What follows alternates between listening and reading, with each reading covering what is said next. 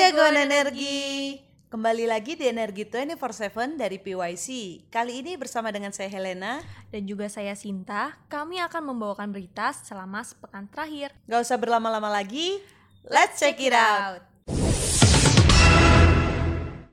Nah, berita pertama datang dari harga komoditas energi. Rata-rata Indonesia Crude Price atau ICP per 30 Juni masih mengikuti ICP bulan Mei, yaitu sebesar 109,61 US dollar per barel. Per 30 Juni 2022, harga minyak West Texas Intermediate atau WTI berada di kisaran harga 110,30 US dollar per barel.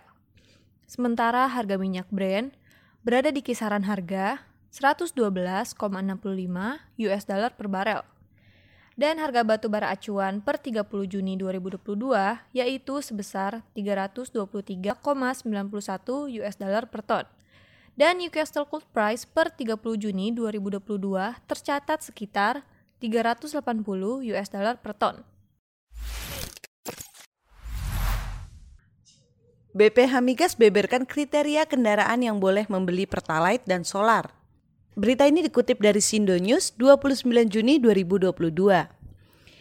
Jadi nih jagoan energi berdasarkan aturan draft revisi peraturan presiden atau Perpres nomor 191 tahun 2024 terdapat beberapa kriteria kendaraan yang akan dilarang oleh pemerintah dan boleh menggunakan bahan bakar minyak jenis Pertalite dan solar. Nah, jenis kendaraan tersebut adalah yang pertama untuk jenis BBM khusus penugasan atau JBKP Pertalite, yaitu kendaraan pribadi dengan plat hitam yang masih diperbolehkan menggunakan BBM bersubsidi, kecuali untuk kendaraan roda 4 dan roda 2 di atas 2000 cc. Sedangkan untuk jenis BBM tertentu atau JBT solar, seluruh kendaraan pribadi berplat hitam tidak boleh menggunakan solar bersubsidi, kecuali kendaraan pribadi bak terbuka lantaran masih banyak usaha mikro, kecil, dan menengah atau yang kita kenal UMKM masih menggunakan jenis kendaraan tersebut. Nah, jagoan energi. Kemudian untuk kendaraan berplat kuning nih, kendaraan yang masih boleh menggunakan solar adalah kendaraan angkutan barang yang membawa kebutuhan sembako dengan menunjukkan surat rekomendasi dari dinas terkait. Demikian pula yang mengangkut perkebunan rakyat seperti kelapa, kopi, dan lain-lainnya. Sementara untuk masyarakat yang bergerak di sektor perikanan, penggunaan solar juga sudah terbatas untuk kapal yang memiliki kapasitas maksimal 30 gross ton dan sektor pertanian dengan luas lahan maksimal 2 hektar. Namun, tetap wajib menyertakan surat rekomendasi dari dinas terkait. Nah, selanjutnya ada berita mineral dan batu bara nih dari Sinta. Terima kasih Helena. Nah, berita selanjutnya datang dari Minerba. Makin diincar, ini empat negara Eropa yang jajaki pasokan batu bara dari Indonesia. Setidaknya sudah ada empat negara Eropa yang melakukan penjajakan untuk membeli batu bara dari Indonesia, yaitu Jerman, Spanyol, Italia, dan Belanda sebagai antisipasi penghentian pembelian batu bara dari Rusia yang dilakukan Uni Eropa mulai bulan Agustus mendatang. Sejauh ini proses penjajakan masih memasuki tahap awal, sehingga gambaran potensi volume permintaan tambahan dari Eropa maupun penambahan produksi nasional masih belum bisa didapatkan. Selain empat negara Eropa tersebut, India yang merupakan salah satu konsumen utama juga dikabarkan berniat menambah pasokan batubara dari Indonesia. Target produksi batubara Indonesia untuk tahun 2022 ditetapkan sebesar 663 juta ton merujuk Minerba One Data Indonesia atau MOD, realisasi produksi kini mencapai 228,63 juta ton atau setara 43,53 persen dari target tahun ini. Upaya untuk memenuhi permintaan batubara tidaklah mudah, Selain faktor spesifikasi kalori, Indonesia juga dinilai tidak bisa serta-merta menaikkan produksi. Faktor cuaca masih menjadi salah satu kendala utama dalam kegiatan produksi sejauh ini. Pengadaan alat berat pun dinilai cukup sulit. Untuk itu, peningkatan produksi secara tiba-tiba sulit untuk dilakukan. Oke jagoan energi, kita beralih ke sektor kelistrikan nih. Ada berita baru per hari ini, yaitu tarif listrik naik per 1 Juli. Siapakah yang terkena kenaikan? Informasi bagi jagoan energi bahwa pemerintah berencana menaikkan tarif dasar listrik bagi pelanggan golongan 3500 volt ampere ke atas per hari ini yaitu Jumat 1 Juli 2022. Hal tersebut tertuang dalam Surat Menteri ESDM nomor T162 garis miring TL titik 04 garis miring MEM titik L garis miring 2022 yang terbit 2 Juni 2022. Nah, jagoan energi pelanggan yang terkena dampak kenaikan tarif listrik tersebut adalah rumah tangga mampu dengan daya listrik di atas 3500 volt ampere yang jumlahnya terdapat 2,9 juta pelanggan. Dan untuk golongan pemerintah berjumlah 373 ribu pelanggan, yaitu ada kantor pemerintah dengan daya listrik di atas 6.600 volt ampere, P1 dan P2, serta penerangan jalan umum atau P3. Pelanggan rumah tangga golongan R2 dan R3 juga akan mengalami kenaikan rekening listrik per bulan rata-rata sebesar 110.000 dan 346.000. Pelanggan pemerintah golongan P1 dan P2 akan mengalami kenaikan rekening listrik per bulan rata-rata 978.000 dan 38,5 juta. Pelanggan pemerintah golongan P3 akan mengalami kenaikan rekening rata-rata sebesar 271.000 per bulan.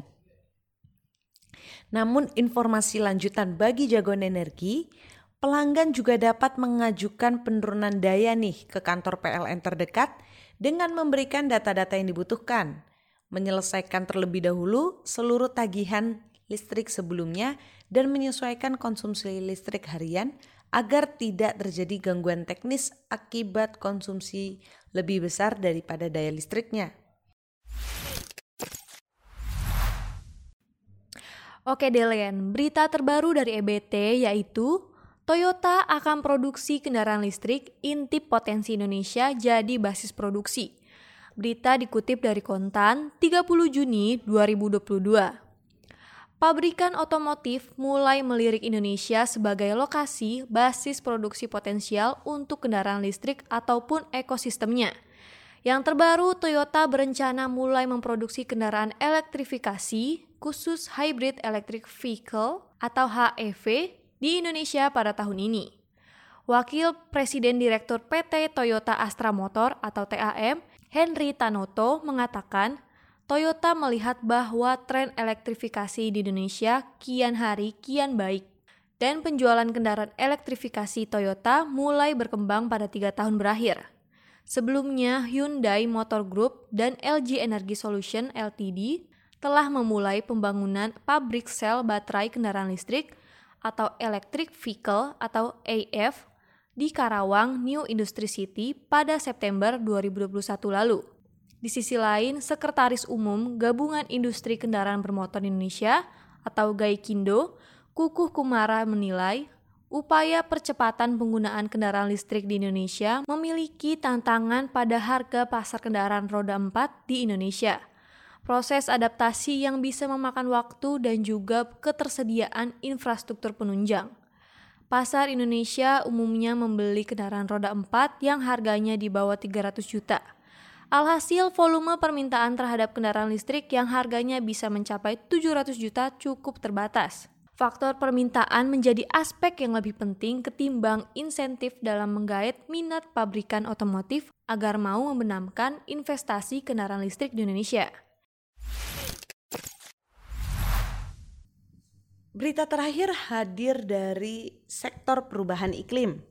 Sri Mulyani mengatakan Indonesia butuh 3.461 triliun rupiah untuk tangani masalah perubahan iklim. Nah, jagoan energi, kira-kira kenapa ya pemerintah membutuhkan dana sebesar 3,461 triliun tersebut? Hal ini mengingat Indonesia telah berkomitmen untuk menurunkan emisi dalam rangka penanganan iklim melalui National Determined Contribution atau yang kita kenal sebagai NDC.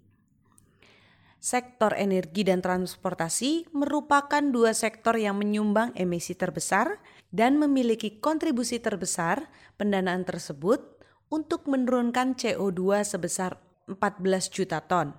Sementara untuk sektor kehutanan dan lingkungan hidup memiliki porsi pendanaan yang kecil, meski kontribusi pengurangan emisinya sangat besar, yaitu membutuhkan 77,8 triliun untuk penurunan CO2 sebesar 497 hingga 692 juta ton. Selain itu, Nijagoan Energi ternyata sektor lain juga punya kontribusi terhadap penurunan emisi, yaitu adalah IPPU dengan kontribusi pendanaan sebesar 40,77 triliun, kemudian diikuti sektor limbah sebesar 30,34 triliun, dan pertanian 5,18 triliun rupiah. Nah, jagoan energi berita ini menutup warta kita minggu ini. Nah, jagoan energi, jangan lupa untuk follow semua sosial media PYC, ada Instagram, Twitter, Facebook, LinkedIn, dan YouTube untuk mendapatkan informasi-informasi seputar PYC. Kami pamit undur diri. Stay safe and see you.